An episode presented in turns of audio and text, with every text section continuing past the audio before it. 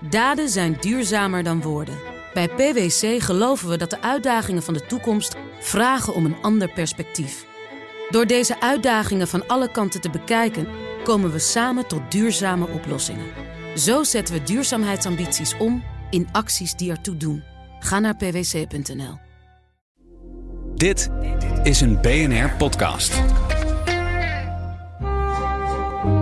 De Perestroikast. Een blik op Oost-Europa.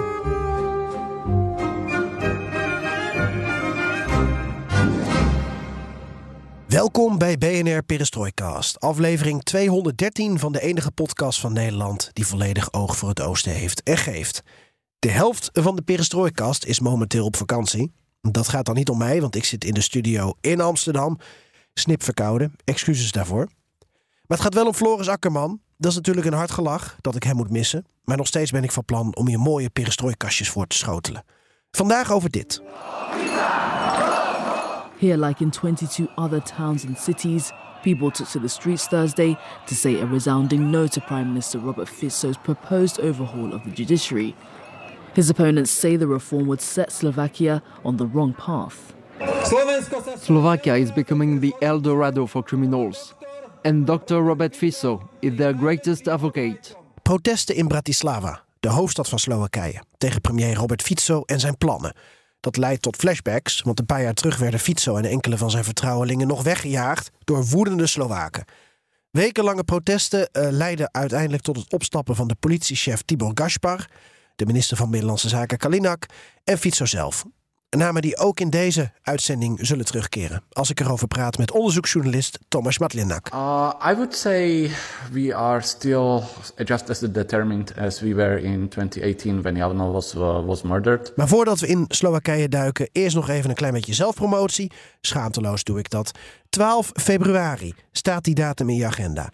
Floris en ik staan dan in Nieuwspoort in Den Haag voor het maken van BNR Perestroikast live. Geen podcast, maar een evenement met een quiz, anekdotes, verhalen, duiding. Ter ere van vijf jaar perestrooikast. Maar ook omdat het moment nadert dat Rusland al tien jaar lang oorlog voert met Oekraïne. Floris en ik waren in Oekraïne toen de Krim werd geannexeerd en de oorlog in de Donbass begon.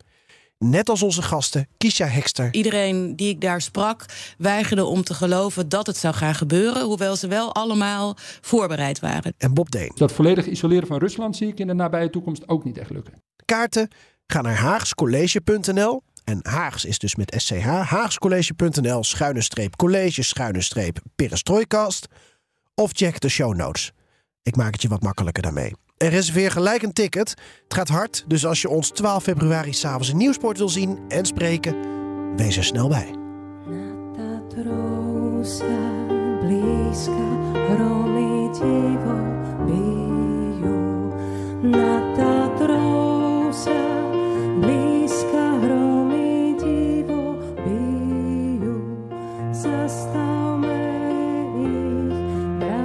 Dit is het Slovaakse volkslied, gezongen op een podium afgelopen week in Bratislava.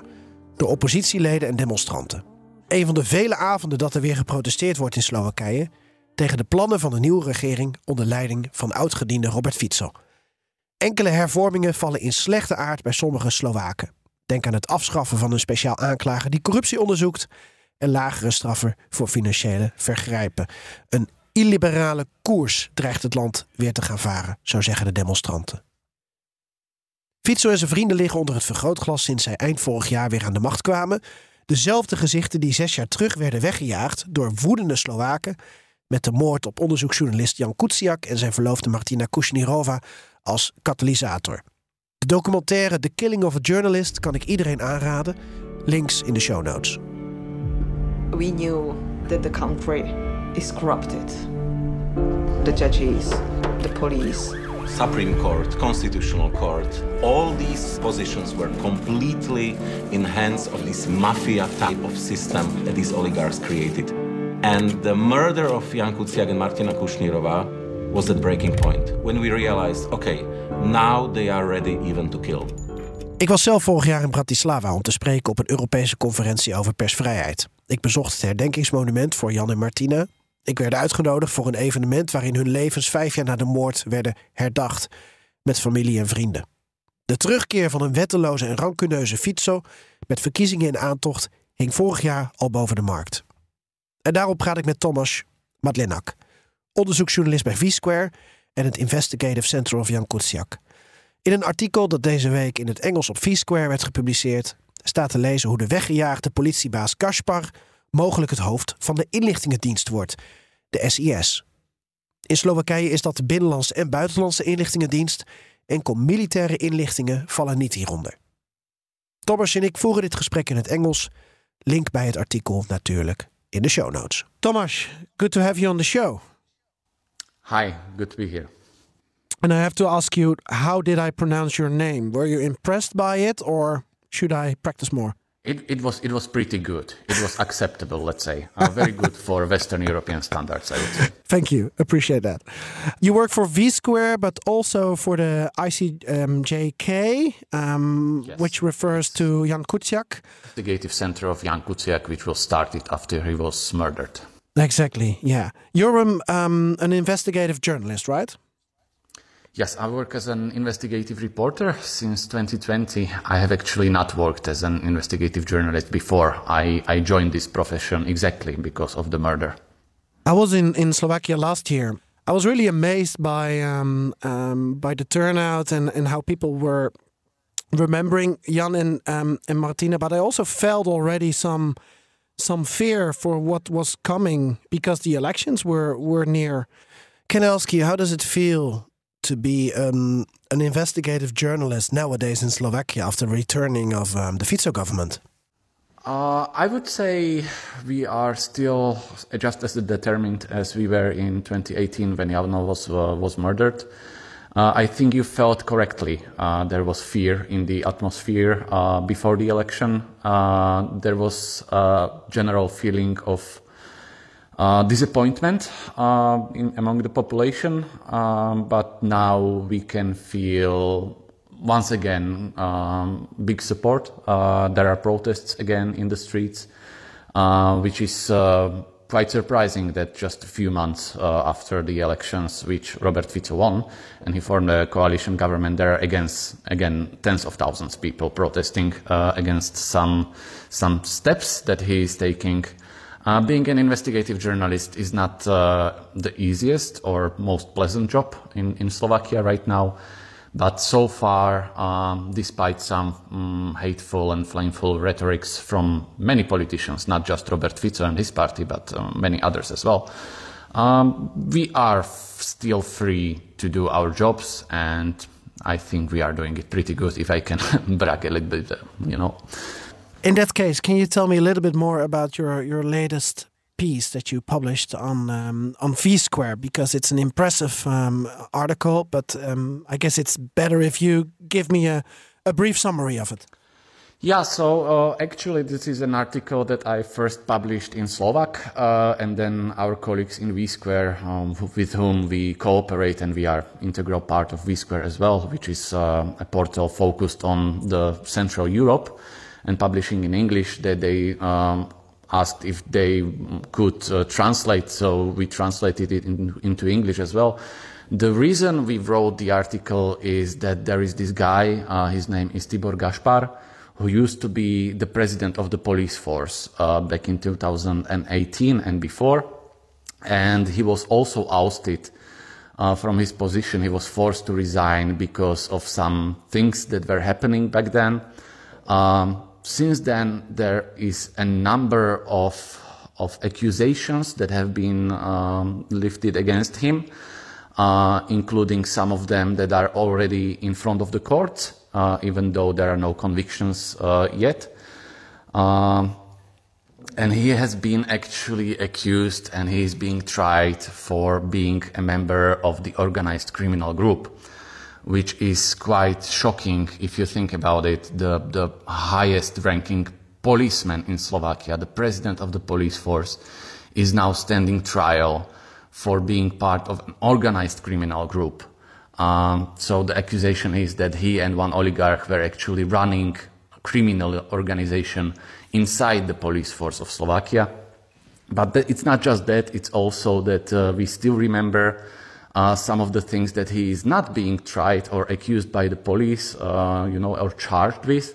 And that is, for example, that it was him, uh, according to uh, several testimonies of uh, cooperating witnesses, uh, and even some some people who are already who already served their sentence in the prison.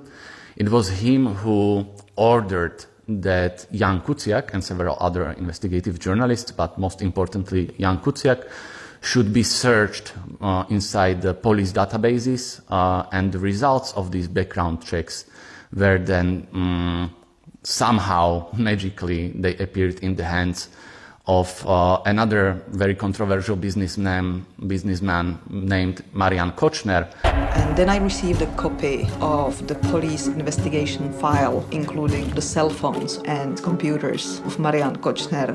Here are the devices from the shooter, uh, the driver, the middleman. We have SIM cards, tablets, computers. Tens of thousands of messages.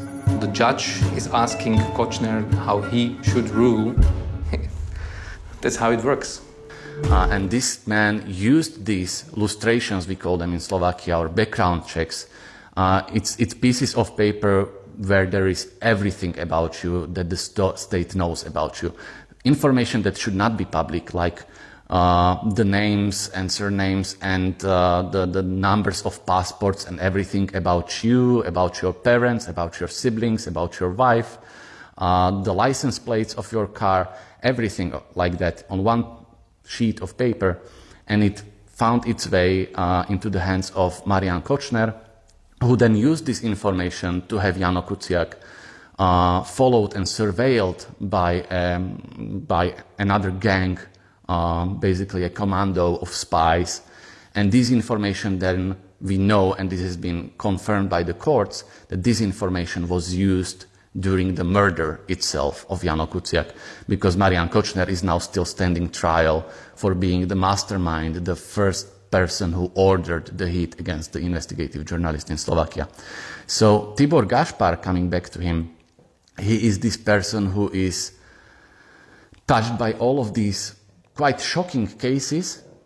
And nowadays that Robert Fico is back in power, he is also uh, and I quote Robert Fico now, the hottest candidate, you know, the hot candidate for being the uh, chief of the secret service in Slovakia. So a person who is accused of being part of criminal organization, who we think might have taken part uh, somehow in the illegal surveillance and background checks of Jano Kuciak, who was later murdered, is now one of the hottest or the hottest candidate to become the chief or the boss of the Secret Service of Slovakia, which is tasked both with domestic and foreign affairs. Het is belangrijk om meerdere keren terug te komen op die moord op onderzoeksjournalist Jan Kuciak en zijn verloofde Martina. Omdat dat dus een katalysator was zes jaar terug.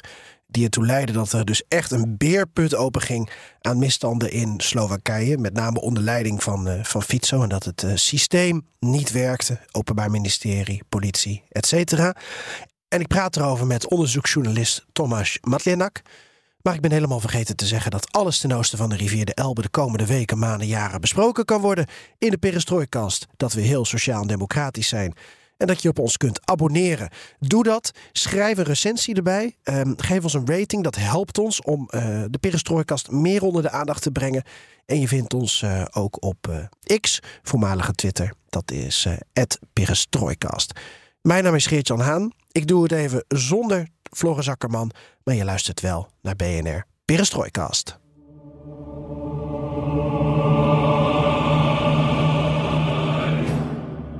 Terug naar het gesprek met Thomas.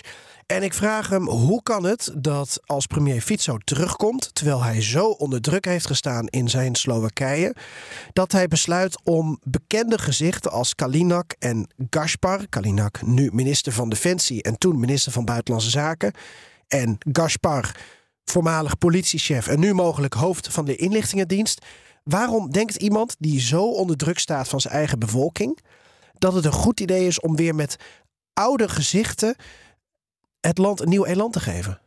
Well, I, I, cannot really tell you why, because as an investigative journalist, I should not comment, but I will just, uh, or, or, give you my opinions, but I will just give you some facts. And the fact is, sadly, that uh, both Mr. Kaliňák, uh, who used to be the Minister of Interior when Jano was murdered, and uh, Tibor Gaspar, they were on the list, on the candidacy list of uh, the Smer party during the election and they actually received a lot of votes, uh, and they have been voted into the parliament. So Tibor Gaspar right now is the member of parliament in Slovakia.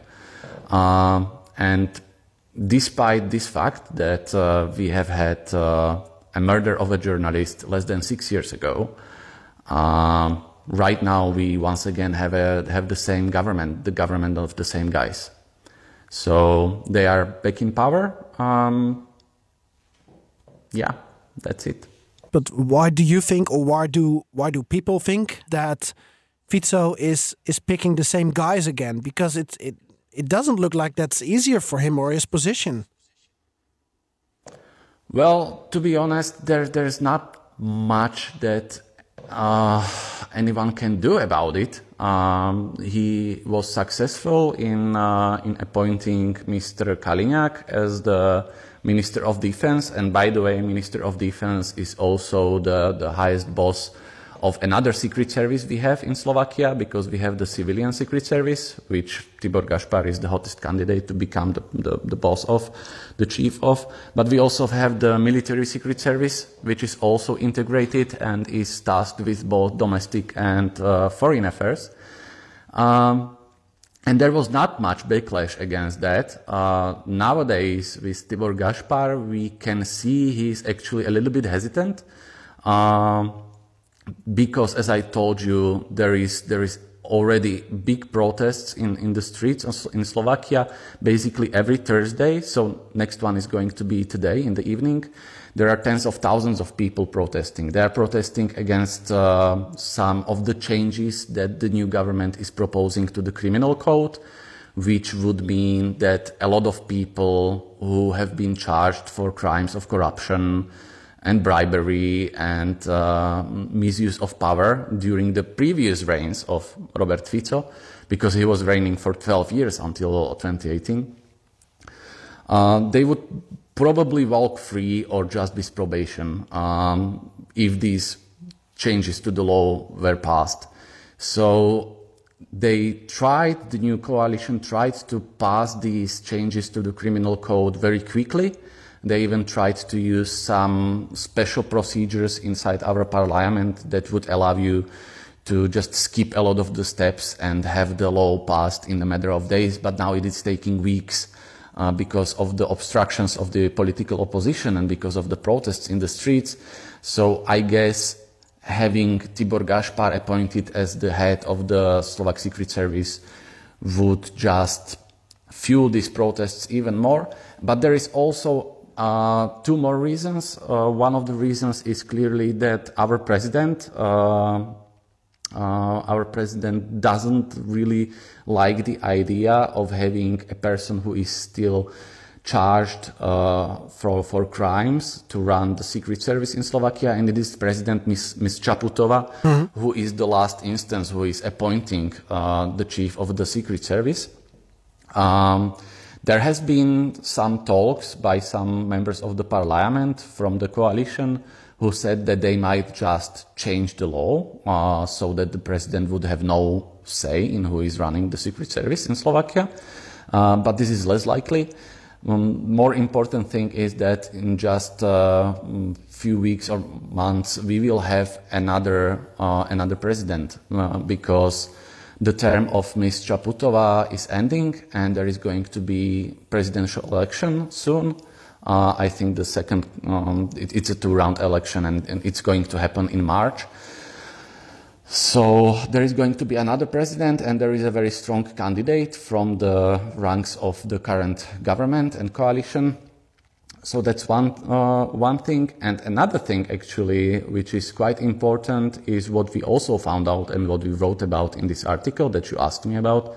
And that is that the foreign allies from the EU and NATO are already quite hesitant to share information with the Slovak Secret Service because it doesn't really have very good reputation.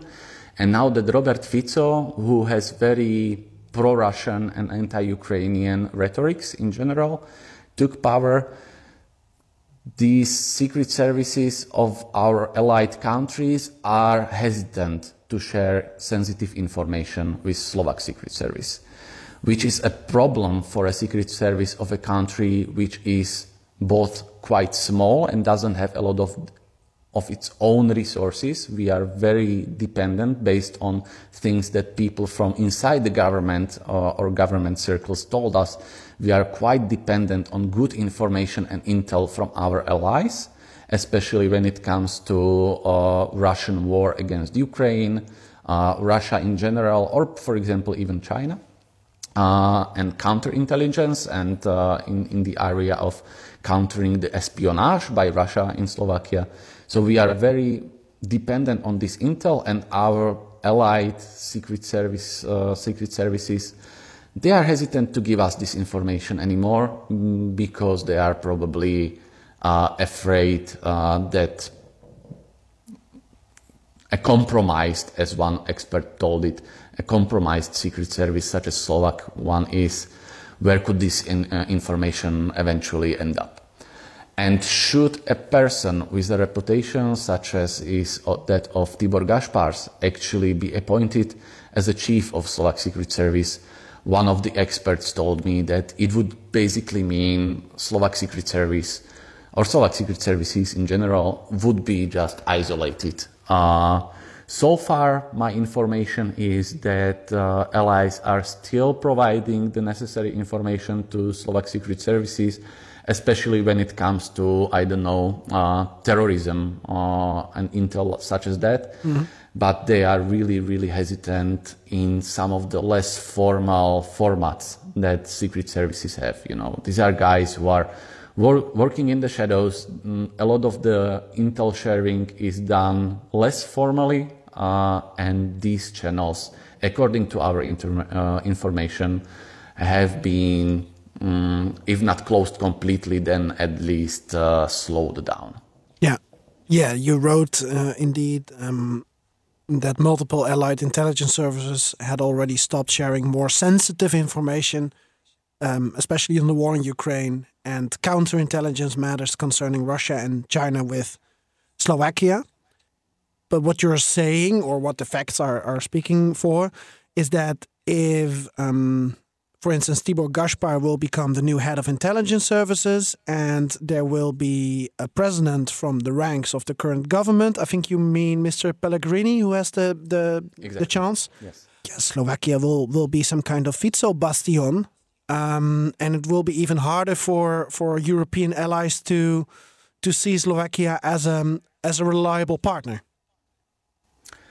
Exactly, exactly. Uh, I mean, Robert Fico is making sure when he's speaking to to um, uh, to, to you know foreign officials or politicians to uh, change his rhetorics a little bit. It's uh, less pro-Russian, as less inflammatory than what he is saying uh, to Slovak public. Uh, it's often two different messages but the the acts that we can see which would basically put person who is really charged with you know the, the problem with putting Tibor Gaspar as a, as a person who is responsible for secret service is especially controversial um, according to many experts exactly because not just because he is charged with corruption and being part of the uh, organized criminal group, not just because he is charged with crime,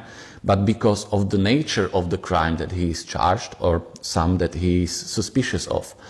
And the nature of those crimes, uh, there is at least one charge that uh, has been brought against him in December, that is that he took part in illegal wiretapping of uh, opposition politicians' cafe. So a politician uh, who is part or who was part of the opposition. He had a cafe in central Bratislava, and this whole cafe was illegally wiretapped, completely illegally. And Tibor Gaspar was part of that, according to the, you know, to the charges being brought against him. And there is, uh, and again, this thing with uh, the illegal background checks into Jan Kuciak. You know, these are acts that are expected from Secret Service. It's their part of their job to do wiretappings, to do surveillance, to do background checks. But they should do it probably, we would imagine, in, an, uh, in a legal way. What Tibor Gaspar is charged for is that he has been doing exactly these kind of things, but he's been, he has been doing them illegally and for the benefit of the criminals.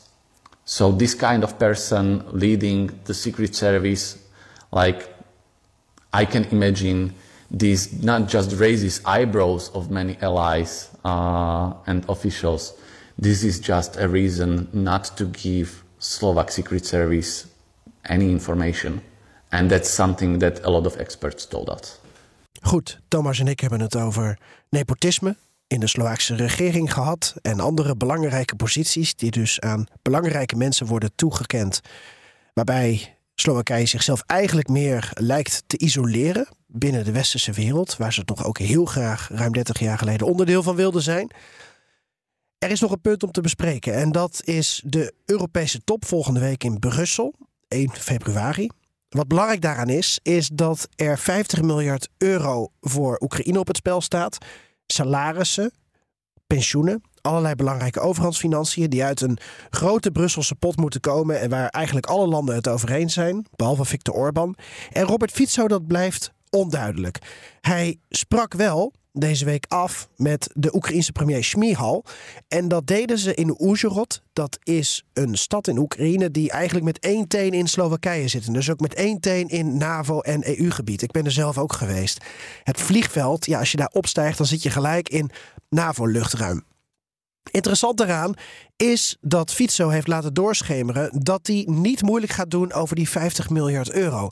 Mijn vraag aan Thomas is dan toch: is Fico nou oprecht of is het een wolf in schaapskleren? That's uh, that's an issue that we see with a lot of illiberal leaders from the Eastern and Central Europe, and Robert Fico is no different in this. Again, I wouldn't like to give my own opinions, but I will just quote some, quote some experts who would uh, really emphasize how Robert Fico, when he's talking to Slovak voters and to his voters, his rhetoric is much more anti-Ukrainian than when he is speaking to politicians and leaders in, in Brussels, you know, in NATO, or in, in Uzhhorod. Uh, what is very very important, according to several analyses that I have read or listened to in Slovakia today uh, from experts.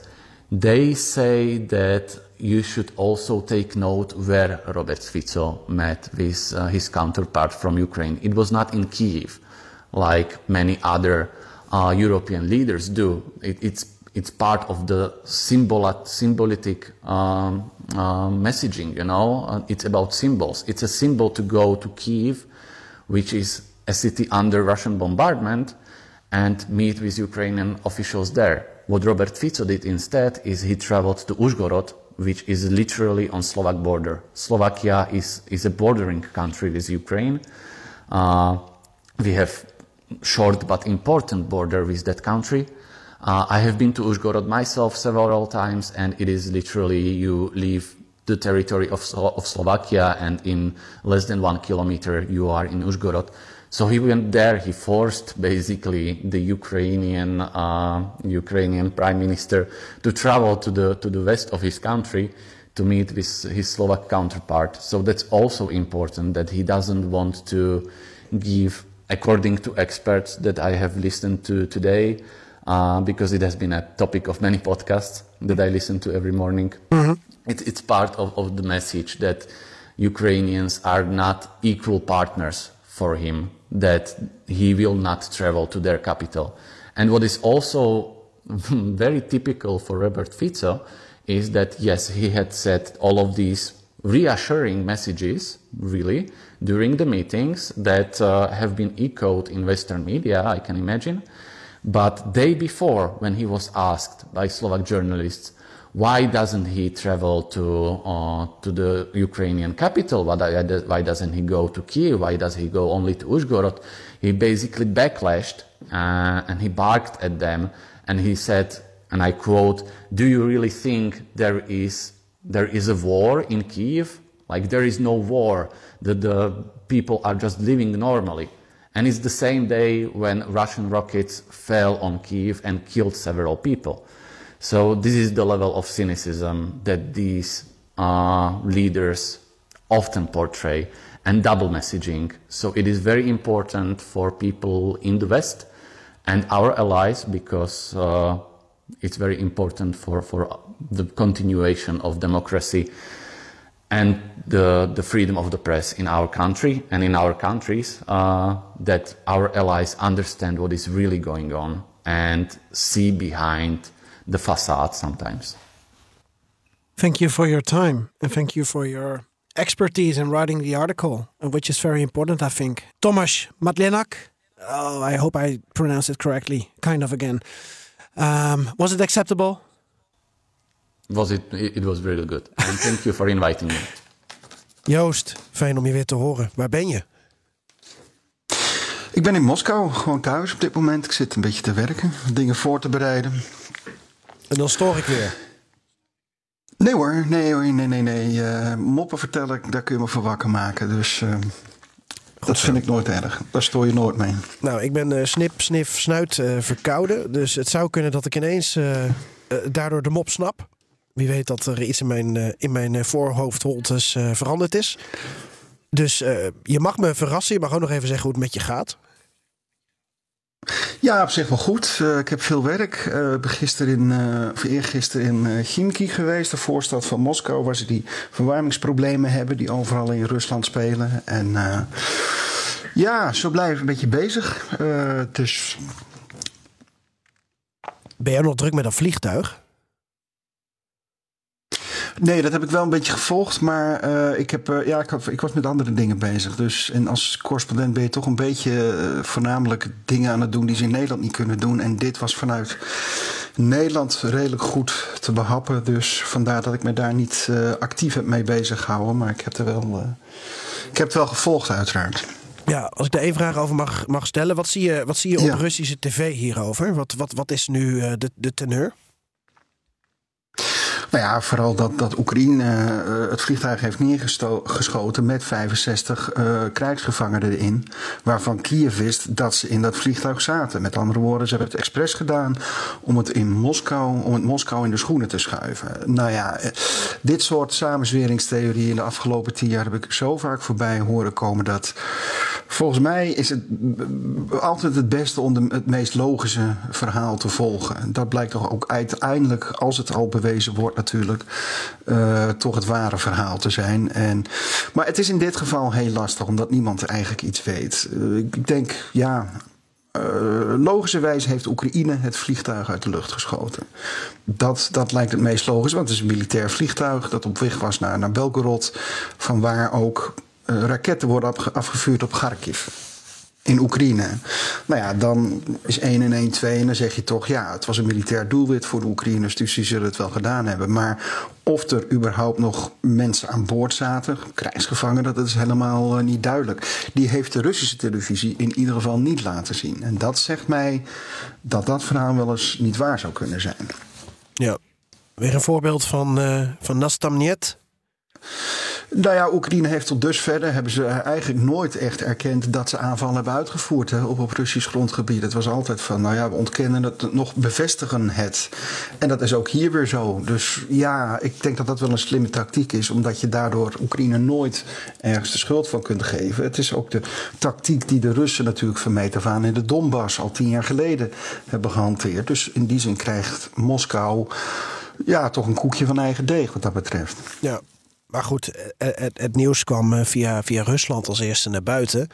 En Oekraïne had veel moeite met het opstellen van een verklaring. Eigenlijk waarschijnlijk omdat ze simpelweg niet over alle informatie beschikken. Niet zo goed weten waar het allemaal over gaat. Misschien dat er ook natuurlijk van de Oekraïnse kant iets is gebeurd. waar ze nog een, een goed verhaal bij moeten gaan voeren. Maar ja, Moskou had wel het narratief gelijk gezet. Zeker, maar de Oekraïners wisten ook niet misschien dat er, uh, of, of er wel of geen uh, krijgsgevangenen aan boord waren. Dat was meteen waar Rusland mee kwam. En dat wilden ze misschien eerst uitzoeken. Was dat nou zo? En is dat ons gewoon niet uh, verteld?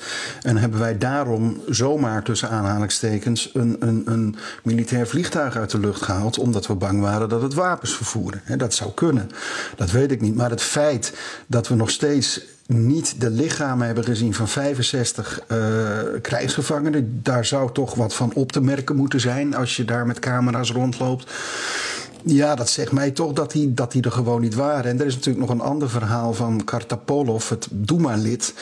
Die zei dat er uh, het eerste vliegtuig is neergeschoten en dat in het tweede vliegtuig de krijgsgevangenen zaten die zijn omgekeerd. Dat vliegtuig is omgekeerd. Dan denk ik, het Russische verhaal is net zoals bij eh, MH17, waar kennen we het van, volstrekt tegenstrijdig met elkaar. De een zegt, ja, ze zijn allemaal doodgeschoten. De ander zegt, nee, ze zaten in het andere vliegtuig.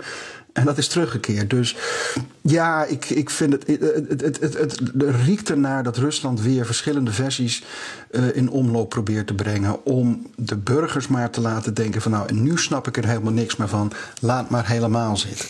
He, en dat is toch misschien een beetje waar, waar, waar uh, ja, de, de Russen op uit zijn. Oké, okay, laten we naar een mop gaan. Het is altijd wel weer een ingewikkeld ja. bruggetje. Want eigenlijk hebben we het de laatste jaren natuurlijk vooral over hele vervelende dingen. Ja, ja. Nou, ik zal eerst een, een, een actuele mop vertellen. Uh, om maar een beetje bij de, de, dag van vandaag te blijven. Er komen onderhandelingen aan tussen uiteindelijk toch tussen uh, Rusland en Oekraïne. We hebben net vandaag gelezen dat, dat Poetin via via toch zou hebben aangedrongen daarop. Uh, kwam Bloomberg mee uh, van de week, of vandaag zelfs, geloof ik, gisteren. Um, nou ja, die onderhandelingen komen er uiteindelijk. En Poetin zegt, die stelt voor, of die, die verordeneert eigenlijk, we gaan die onderhandelingen in Minsk houden. Waarop Zelensky zegt, niks ervan, we gaan naar Warschau. Dan zegt Poetin, ja, maar luister, daar mogen wij niet komen zegt Zelensky. Juist, precies daarom.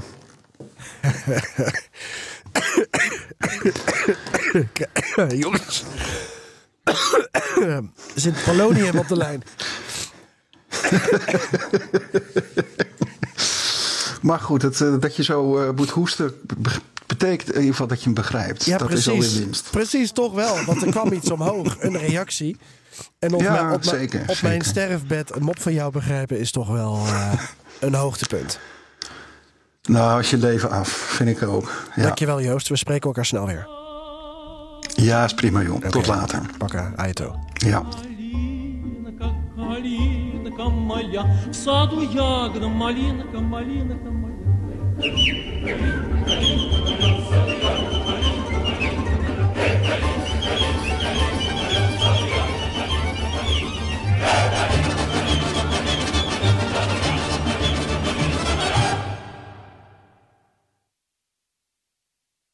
Daden zijn duurzamer dan woorden.